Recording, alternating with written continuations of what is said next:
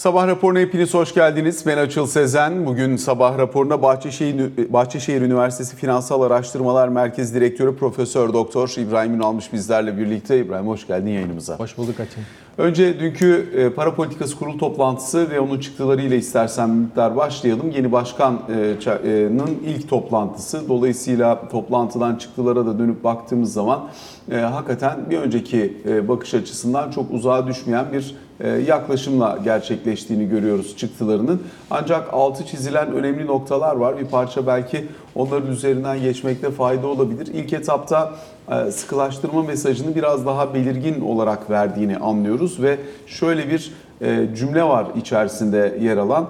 Enflasyon görünümünde belirgin ve kalıcı bir bozulma öngörülmesi durumunda para politikası duruşu sıkılaştırılacaktır daha önce gözden geçirilecektir denilirken şimdi sıkılaştırılacaktır ifadesi dikkate değer. Bir de e, bu bence tartışılabilecek konulardan bir tanesi çünkü orta ve uzun vadede ihracatçıların döviz kuru konusundeki e, serzenişlerini, yakınmalarını da Merkez Bankası çerçevesinde nasıl karşılık bulduğunu göstermesi açısından da önemli.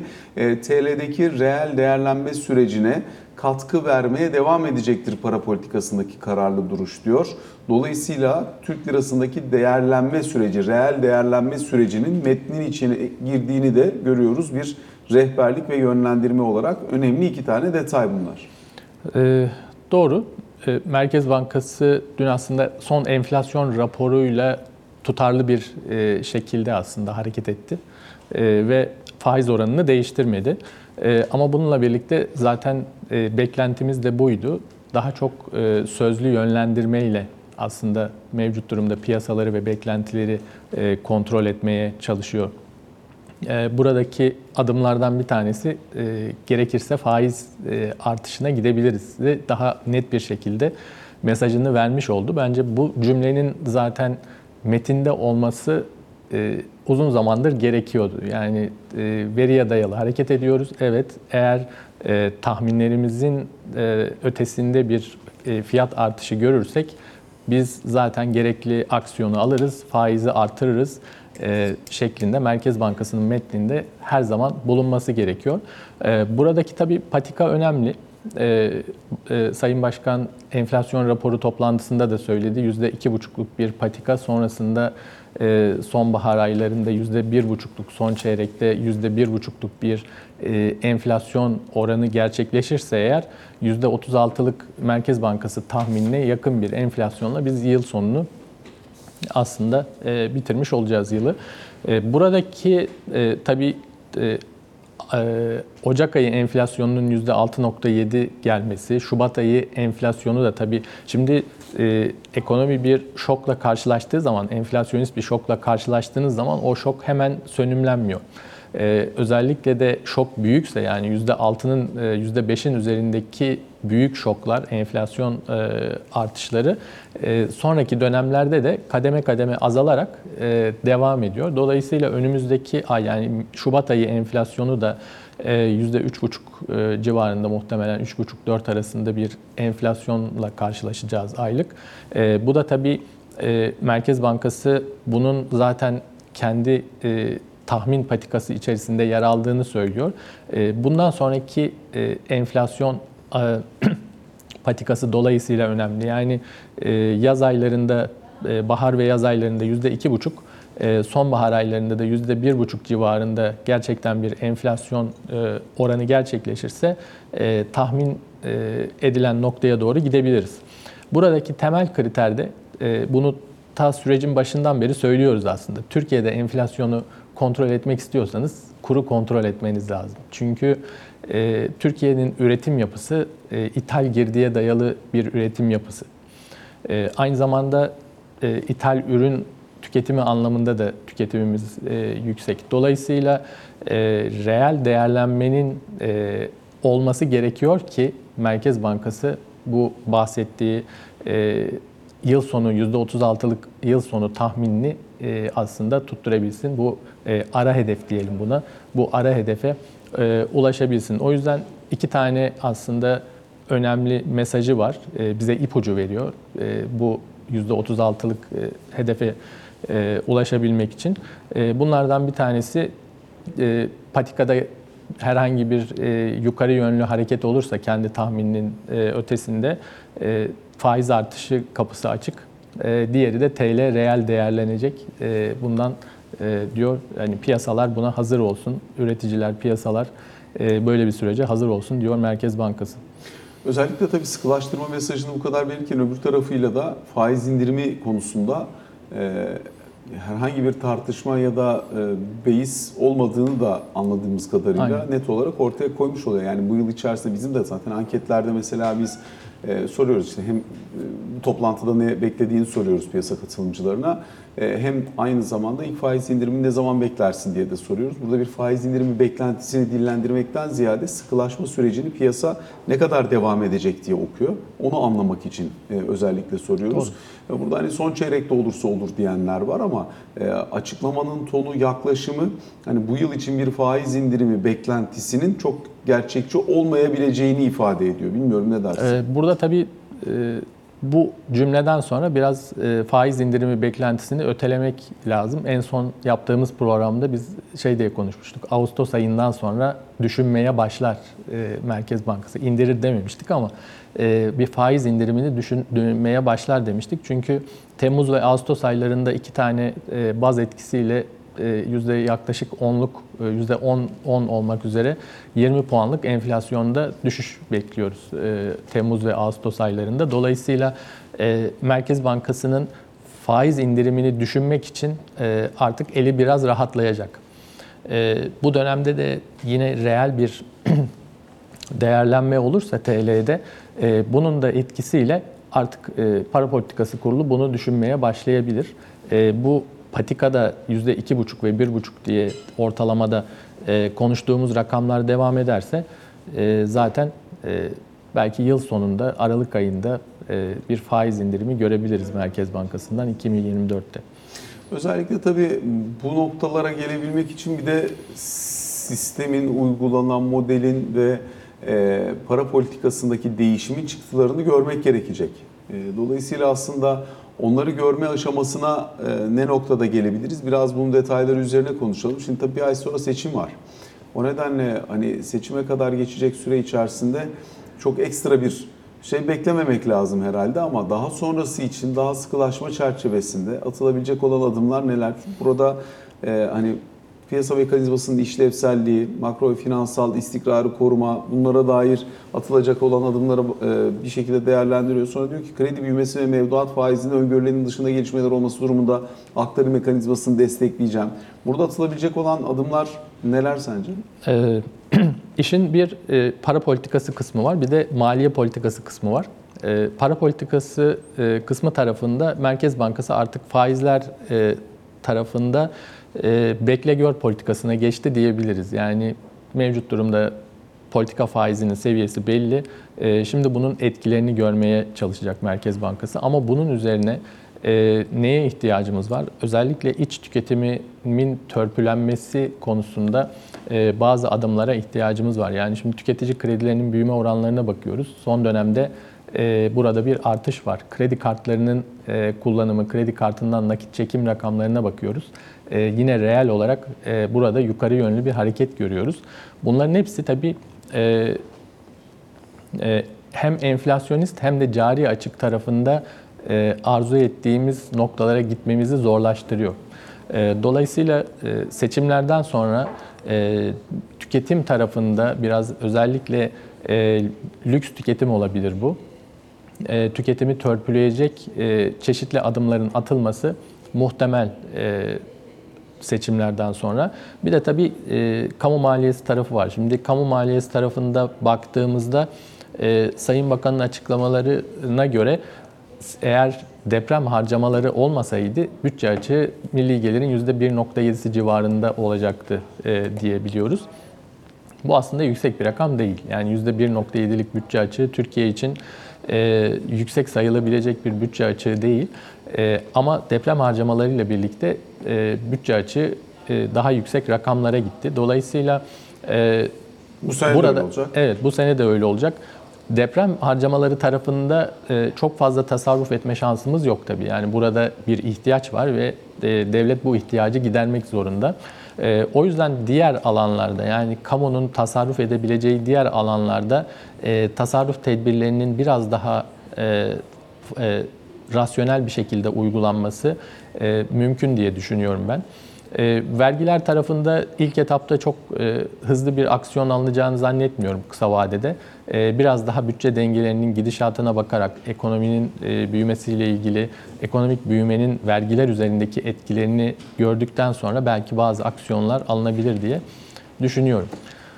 Özellikle tabii e, para politikası bacağı ayrı bir noktada ama e, bir de e, bu maliye politikasının kendi içerisindeki dinamikleri de okumak lazım. Çünkü ekonomi yönetiminin o noktadaki görüşü çok net. Para politikasının buna göre kendini şekillendirmesi de net ama siyasetin gereklilikleri tırnak içinde söyleyeyim. Burada daha belirleyici oluyor. Yani e, özellikle mesela tabii bir şekilde uluslararası sermaye girişine ihtiyaç var. Yani büyümeyi fonlayabilmek Aynen. için, bu akımı devam ettirebilmek için yabancı yatırımcıya ihtiyaç var.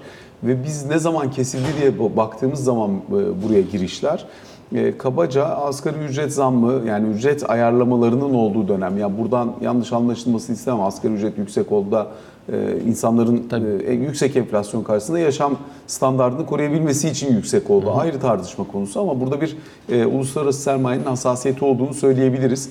E, anlıyoruz ki burası biraz e, zedeleyici olmuş gibi görünüyor. Yani çünkü enflasyonla ilgili beklentilerini uluslararası yatırımcıların çıpalayabilmeleri için talep enflasyonunun kesileceğini görmeleri önemli konulardan bir tanesini oluşturuyordu. Burası biraz zorlayıcı kaldı gibi görünüyor. Yani yavaş yavaş da biraz seçimin de etkisi var anladığımız kadarıyla ama e, yurt dışındaki TL long pozisyonlarının biraz biraz kapandığını gözlemliyoruz. Biraz belki bunun üzerine konuşmak gerekebilir. E, tabii yabancı yatırımcı açısından e, TL'nin e, önümüzdeki dönem seyredeceği patika önemli. E, çünkü swap tarafı kapalı. Yani swap e, tarafı kapalı olduğu zaman e, TL'nin e, izleyeceği patika daha da önemli hale geliyor. E, burada yabancı muhakkak özellikle de yerel seçim belirsizliğini gördükten sonra ve ondan sonraki e, alınacak aksiyonları gördükten sonra e, Türkiye'ye gelmeyi aslında daha ciddi bir şekilde tekrar düşünecektir diye e, düşünüyorum ben. Yani bu yıl içerisinde e, portföy yatırımları tarafında 5 ile 10 milyar dolar civarında bir e, yabancı girişi aslında gayet mümkün. E, özellikle seçim sonrasında e, hem e, tüketimi biraz daha törbüleyici e, ve aynı zamanda kamu maliyesi tarafında biraz daha e, enflasyon, dezenflasyon sürecini destekleyici alınacak adımlar e, sonrasında bence yaz aylarında özellikle yani yaz aylarında yabancı sermayenin Türkiye'ye gelme ihtimali daha yüksek. Ee, bu peki e, bir şekilde eğer uluslararası sermaye girişi yaşanabilecek olursa e, bir şekilde politika yapmanın da elini rahatlatacak. Yani Muhakkak. çünkü e, işte eğer swaplarla ilgili bir düzeltme yapmak istiyorsan onu yapabilirsin. Kur korumalı mevduatla ilgili çıkış stratejisini hızlandırmak istiyorsan onu yapabilirsin. E, Bunlar olduğu müddetçe biraz da hani zaruri koşullar ve onu eritme faktörlerini dikkate alarak da hareket etmek zorunda kalıyorsun. Yani biraz tavuk yumurta misali ama hani e, sen bunu yaparsan mı sermaye girer yoksa sermaye girerse bunları daha rahat yaparsın gibi soru işareti de var. Ee, Yani bunlar aslında özellikle iletişim kanalıyla e, uyguladığımız politikaları doğru anlattığımız sürece aslında e, daha çok e, burada proaktif olması gereken taraf biziz tabii. E, yani burada e, şu ana kadar zaten yatırımcı toplantılarıyla bu büyük ölçüde yapılmaya çalışıldı. E, muhtemelen seçim sürecinde çok fazla iletişim olmayacaktır e, yatırımcılarla ama Mart ayından sonra tekrar ben e, zaten Nisan ayında IMF toplantıları var. Nisan ayında IMF toplantıları olduğu için e, bütün ekonomi yönetimi e, IMF toplantılarına katılır. Bu toplantılar sırasında e, yabancı yatırımcılarla iletişim artar haliyle orada e, sunumlar yapılır. E, bir kısmını onlar düzenler. E, gerekirse e, bizim düzenlediğimiz daha kapsamlı yatırımcı toplantıları oluyordu. E, yine bunlar yapılır ve e, burada bence önümüzdeki döneme ilişkin daha fazla ipucu verilecek piyasaya. Ee, özellikle büyüme tarafında tamam e, tüketimi törpülemek istiyoruz. İçeride tüketim tarafında e, bir e, olması gerekenden fazla yani enflasyondan kendisini koruyabilmek amacıyla tüketicinin can havliyle tükettiği bir ortamdan bahsediyoruz. E, burada bu davranışı e, aslında e, ortadan kaldırmaya çalışırken e, büyüme tarafında da çok fazla feragat etmek istemiyoruz. Bunun için de dış ticaret tarafında aslında aksiyona ihtiyacımız var. E, yeni bir plandan bahsetti Sayın Bakan. E, özellikle yeni ihracat pazarları e, arayan şirketler, yeni ihracat pazarlarına e, ihracat yapacak şirketlere finansal anlamda ekstra destek verileceğini söyledi. Onun dışında teknoloji e, yoğun ürünlerde ihracatı e, artırmak çabasında olan şirketlere yine destek verileceğini söyledi. Bence bunlar çok önemli iki adım. Çünkü bunu atmak zorundayız. Neden? TL'nin reel olarak değerlenmesinden bahsettiğimiz bir ortamda e, özellikle e, kar oranı düşük ve e, çok yoğun rekabete maruz kalan sektörler ihracatta zorlanıyorlar. Bunu gayet net bir şekilde e, şirketlerde, sektörlerin temsilcilerinin açıklamalarında görüyoruz. E, tekstil olsun, demir çelik olsun, zaman zaman turizm olsun. E, bu açıklamalardan görüyoruz. E, bu eğer TL reel olarak değerlenecekse bu süreçten çıkmanın yolları bir üretkenliği artırmak, ikincisi de e, bu tarz e, finansal destekler sağlayarak şirketlere e, ihracat potansiyelimizi artırmak. Yani bir yandan içerideki pasta küçülürken e, dışarıya sattığımız kısmını e, büyütmemiz lazım ki e, biz aslında üretim tarafında çok fazla e, maliyet ödemeden bu dezenflasyon sürecine devam edelim. E, politikaya genel anlamda desteğin de aslında sürmesinin muhtemelen bir koşulu bu. E, o yüzden de e, ihracata destek konusunda daha selektif olup e, gerçekten katma değeri yüksek, rekabetimizi daha rahat rekabet ede- edebildiğimiz sektörlerde e, destek yaratıp yeni destinasyonlara da ihtiyacımız var. Yani Avrupa'nın bu kadar yavaşladığı, Almanya ekonomisinin e, e, sanayi üretimi tarafında e, 2012 2022'nin ortasından beri yavaşlıyordu Amerika, e, Almanya ekonomisi.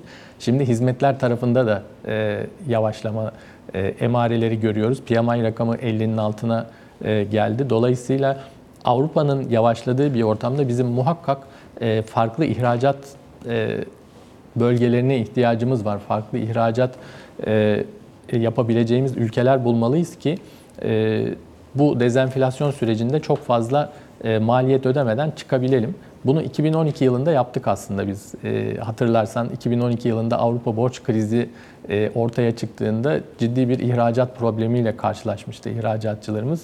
E, o dönemde biz e, çalmadık kapı bırakmadık. E, Yeni ihracat yapabileceğimiz ülkeler bağlamında e, Afrika'ya gidildi, Güney Amerika'ya gidildi, Uzak Doğu'ya gidildi ve e, aslında burada ciddi önemli başarılar yakaladı Türkiye o dönemde. Yine proaktif davranıp bizim benzer bir süreçte ihracatı artırmak için çaba sarf etmemiz gerekiyor diye düşünüyorum bu dezenflasyon sürecinde. Özellikle yine belki işin bir de para politikası çerçevesindeki swap bacağını konuşmak gerekebilir. Çünkü swap'la ilgili e, iki tane önemli konu var. E, Yani biraz önce biraz bahsettik ama e, bunlardan bir tanesi daha önceki dönemde özellikle rezerv üzerinde bir hassasiyet oluştuğu için rezerv inşası adına bayağı yoğun bir şekilde swap'a yüklenilmişti. İkincisi faiz artırım döngüsü bir süreç halinde devam ettiği için burada bir arbitraj imkanı da sağlamıştı. E, Bankalar açısından da arbitraj imkanı sağlamıştı. Bankalar için bu imkanı sağlarken Merkez Bankası'nın da rezervi güçlü olduğu yönünde aktarım yapmasına, anlatım yapmasına e, imkan vermişti. Dolayısıyla bir dönem için aslında kuvvetli işleyen bu ilişki şimdi hem faiz artırım döngüsünün sonuna gelinmiş olması hasebiyle hem de aslında bir miktar döviz talebinin de artmaya başlamasıyla birlikte rezerv oynaklığını artıran, ciddi anlamda hatta rezervi aşağıya da çeken bir yapıya dönüştü gibi görünüyor. Bundan sonrası için burada bir hani kendiliğinden zaten doğası gereği işin azalma olacak gibi görünüyor ama e, swap kanalından geleneksel fonlamaya geçiş, API'ye geçiş için ya da en azından buradaki dengenin biraz daha belirgin şekilde kurulması için ne beklemek lazım? Öbür taraftan da hakikaten piyasanın bir yandan vadeli fonlamaya da ihtiyacı var. Ee, doğru. Aslında Swap kanalının hikayesi e, 2018'lerden başlıyor. Yani 2018 e, Ağustos malum e, Ağustos'ta yaşadığımız o e, türbülansa kadar aslında e, Merkez Bankası'nın bankalarla swap yapmak gibi bir şeyi yok. E, niyeti zaten yoktu. E, ama o dönemde yaşadığımız türbülans ve e, e, yurt dışı ile yapılan swap işlemleri kaynaklı yabancının kolay TL bulup TL'yi shortlayabildiği bir ortamda e, gelen şokların e, TL'deki oynaklığı çok fazla artırdığını düşündüğü için ekonomi yönetimi o dönemde e, swap bankaların swap imkanlarını yurt dışıyla e, aslında e, giderek azalttı. E, ama bankacılık açısından düşünürsek banka bilançolarına baktığımızda e, mevduat tarafında bankalar yüz, e, yüz- döviz ta- tevdiat hesapları e, giderek artıyordu o dönemde. E, bir yandan bilançonuzda e, mevduat olarak daha çok döviz var ama kimse döviz kredisi almak istemiyor ortamda. Dolayısıyla bankalar açısından zor bir dönem. Bir şekilde bankaların bunu Türk lirasına dönmesi lazımdı. Merkez Bankası da o dönemde dedi ki e, tamam artık siz yurt dışıyla swap yapmayın elinizdeki dövizleri. E, gelin benimle yapın. Bunun için de biraz daha e, cazip hale getirmek için daha uzun vadeli e, aslında opsiyonlar sundu piyasaya. E, bu da tabii rezervleri daha oynak hale getirdi. Yani e, buradaki talep yani Merkez Bankası ile swap talebi e, bankaların e, burada gördüğü fırsatlara bağlı olarak değişiyor. Ee, Eğer faiz artacaksa önümüzdeki dönemde e, bankalar swap e, miktarlarını, miktarını artıyor, artırıyorlar Merkez Bankası'yla ki e, bugünkü e, faizle 3 aylığına aslında TL sağlamış oluyorsunuz. Yarın faiz artacaksa eğer. E, bu da tabii geçtiğimiz dönemde swap miktarının artmasına neden oldu. E, şimdi yavaş yavaş e, tekrar bu swap miktarının düştüğünü görüyoruz. Bu da rezervlerde oynaklık yaratıyor. E, ben önümüzdeki dönemde özellikle e, yurt dışıyla swap kanalı açılmadığı sürece e, tamamen zaten açılmasını beklemiyoruz. Hani orada bir eğer açılacaksa kademeli bir açılması açılma sürecinin yaşanacağını düşünüyorum. Yurt dışı ile swap kanalı açıldıkça muhtemelen Merkez Bankası ile olan e, swap pozisyonları bankaların e, bir miktar düşecektir. Ama mevcut yapının kolay kolay hızlı bir şekilde değiştirilme ihtimali yok. Onun dışında döviz talebi yatıran, e, yaratan durumlarda tabii Merkez Bankası'nın döviz rezervi çok etkileniyor. Son dönemde iki tane döviz talebinin kaynağı var. Bunlardan bir tanesi KKM'den dönüşler, özellikle döviz dönüşümlü KKM'ler e, tekrar e, yenilenmediği zaman e, burada müşterilerin daha ziyade yine e, ben zaten e, elimde dolar vardı, dolardan TL'ye dönmüştüm, tekrar dolara dönmek istiyorum diyen müşteriler e, burada bir döviz talebi yaratıyorlar. Merkez Bankası zaten bunu açık açık söyledi. E, burada yaratılan döviz talebine karşı ben zaten piyasaya e, döviz sağlıyorum e, dedi. Bu da tabii piyasada döviz olduğu zaman Merkez Bankası sattığında rezervleri azaltıyor. Diğer bir beklenti de seçim sonrasında, yerel seçimler sonrasında tekrar bir kurda artış olur mu beklentisiyle bir döviz talebi olduğunu görüyoruz piyasada. Bunun da üzerine biraz konuşalım? Çünkü bir önceki seçimde e, benzer bir e, işte baskı oluştuğu düşünülerek özellikle kur çok stabilize olmuştu. Çok ciddi bir baskı uygulanmıştı. Çeşitli işte hattı müdafalar da söz konusu olmuştu. Yani daha önceki yıllarda Şanlı 6.85 savunması, daha Başlayıp- sonrasında işte 20 liranın altında kalacak şekilde bir ara 18.75'ler, daha sonrasında işte 20'nin altında Aynen. seçime girelimler. E, ve sonuçta hani o baskı ekonomi yönetimi seçim bittikten ekonomi yönetimi değiştikten sonra bir bir şekilde hani e, orada biriken enerjiyi de e, almak için bir bırakıldı. Bırakılınca kur bir günde %7 falan gitti. Daha sonrasında bir dengelenme oldu. E, şu anda geldiğimiz yer 31 liranın üzeri. Fakat e, öbür tarafıyla o günkü koşullarla bugünkü koşulları da karşılaştırdığımız zaman yani o gün 8,5 politika faizi vardı. Bugün 45 politika faizi var. O gün 18-20 mevduat faizi bulunabiliyordu. Bugün baktığında işte 50'ler civarında mevduat faizi bulunabiliyor. Yani aslında kurda yükseliş beklentisini e, yine kurun grafiğine bakıp burada hiçbir şey olmuyor bak dümdüz gidiyor diyerek beklemeyi anlayabiliyoruz.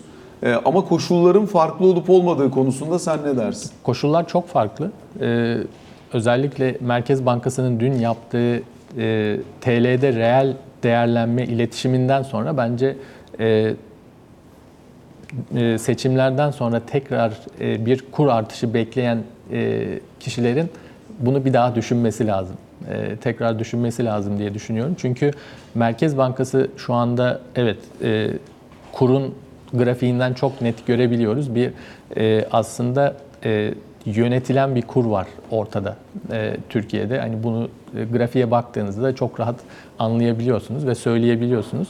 E, peki Merkez Bankası bunu e, seçimlerden sonra yönetmeye devam edebilir mi? Evet devam edebilir. Çünkü e, elindeki ortadaki manevra alanı şu anda politik anlamda e, çok daha rahat. E, Haziran 2023 ile karşılaştırdığımızda senin de bahsettiğin gibi hem faiz oranları daha yüksek e, e, ve e, diğer taraftan da rezervler açısından, rezervin miktarı açısından e, müdahale edebildiği e, rezervin miktarı açısından daha iyi durumda. Yani daha Merkez önce o kadar Bankası. bozulmuştu ki iş işte ikili kura gitmiştik. Spot Tabii. piyasa bankalar arasındaki marj 10 puana çıkmış. Ee, sürekli çok yoğun, inanılmaz yoğun bir efektif talebiyle karşılaşılmış yurt dışına e, döviz gönderimleri inanılmaz baskı altında kısıtlanmış. Birkaç bin dolar gönderirken dahi e, sorun yaşıyordu insanlar ama e, yani o, o öyle bir dönemdi. Aynen öyle. Şu anda yani böyle şu bir anda bunların olmadığını en azından söyleyebiliriz. Öyle böyle bir dönem yok. Ee, yaz ayları için gayet hani turizm e, sezonunda olumlu beklentilerimiz var. Ee, dolayısıyla ülkeye döviz girişi olacağı bir dönem zaten bu dönem. Ee, e, bunun dışında e, dediğimiz gibi ihracat tarafında e, çeşitli destekleyici adımlar atılıyor. Yani döviz e, girişi açısından da bir çok fazla e, problem olacağını düşünmüyoruz. E, cari açığın da düşeceği bir ortamda yani döviz ihtiyacımızın da azalacağı bir ortamda aslında ki e, Haziran 2023'ün en büyük handikaplarından birisi oydu. Yani çok yüksek bir cari açıkla devam ettiğimiz bir dönemde o dönem. Zaten döviz ihtiyacı çok yüksekti. E, bütün bu e, dövizle ilgili arz talep unsurlarını bir araya getirdiğimizde ve Merkez Bankası'nın e, uygulayabileceği, ada- e, atabileceği politika adımlarını düşündüğümüzde, rezervlerin seviyesine baktığımızda aslında e, kurlar üzerinde seçimden sonra çok ciddi bir baskı olacağını söylemek pek mümkün değil. E, dolayısıyla e, bu tarz beklentileri olan e, yatırımcıların ben bir kez daha düşünmesinde fayda olacağını düşünüyorum açıkçası. Yani Merkez Bankası'nın dünkü para politikası kurulu metninin içindeki reel değerlenme mesajında da e, Sayın Hazine ve Maliye Bakanı Mehmet Şimşek'in atmış olduğu tweetin içerisindeki seçim sonrasına dönük spekülasyonlara itibar etmeyin uyarısında da hani biraz buranın yönetilmesine dönük mesaj olabilir belki diye de düşünebiliriz belki değil tabii. mi? Ee, muhtemelen çünkü Merkez Bankası e, dövize gelen talebin kaynağını görüyor e, net bir şekilde. E, dövi- e, kur korumalı mevduattan e, gelen talebi görebiliyor. E, onun dışında ithalat, ihracat amaçlı döviz talebini zaten görebiliyor. E, spekülatif amaçlı yani seçim sonrası e, beklentiyle e, döviz alan e, vatandaşı da görebiliyor Merkez Bankası. Dolayısıyla e, bu yüzden de aslında hem enflasyon beklentilerini çıpalamak hem de e, önümüzdeki dönem oluşacak bu e, döviz talebini aslında biraz törpülemek amacıyla da bu cümle eklenmiş olabilir metne. Peki kısa bir araya gideceğiz şimdi sonrasında kaldığımız yerden devam edeceğiz.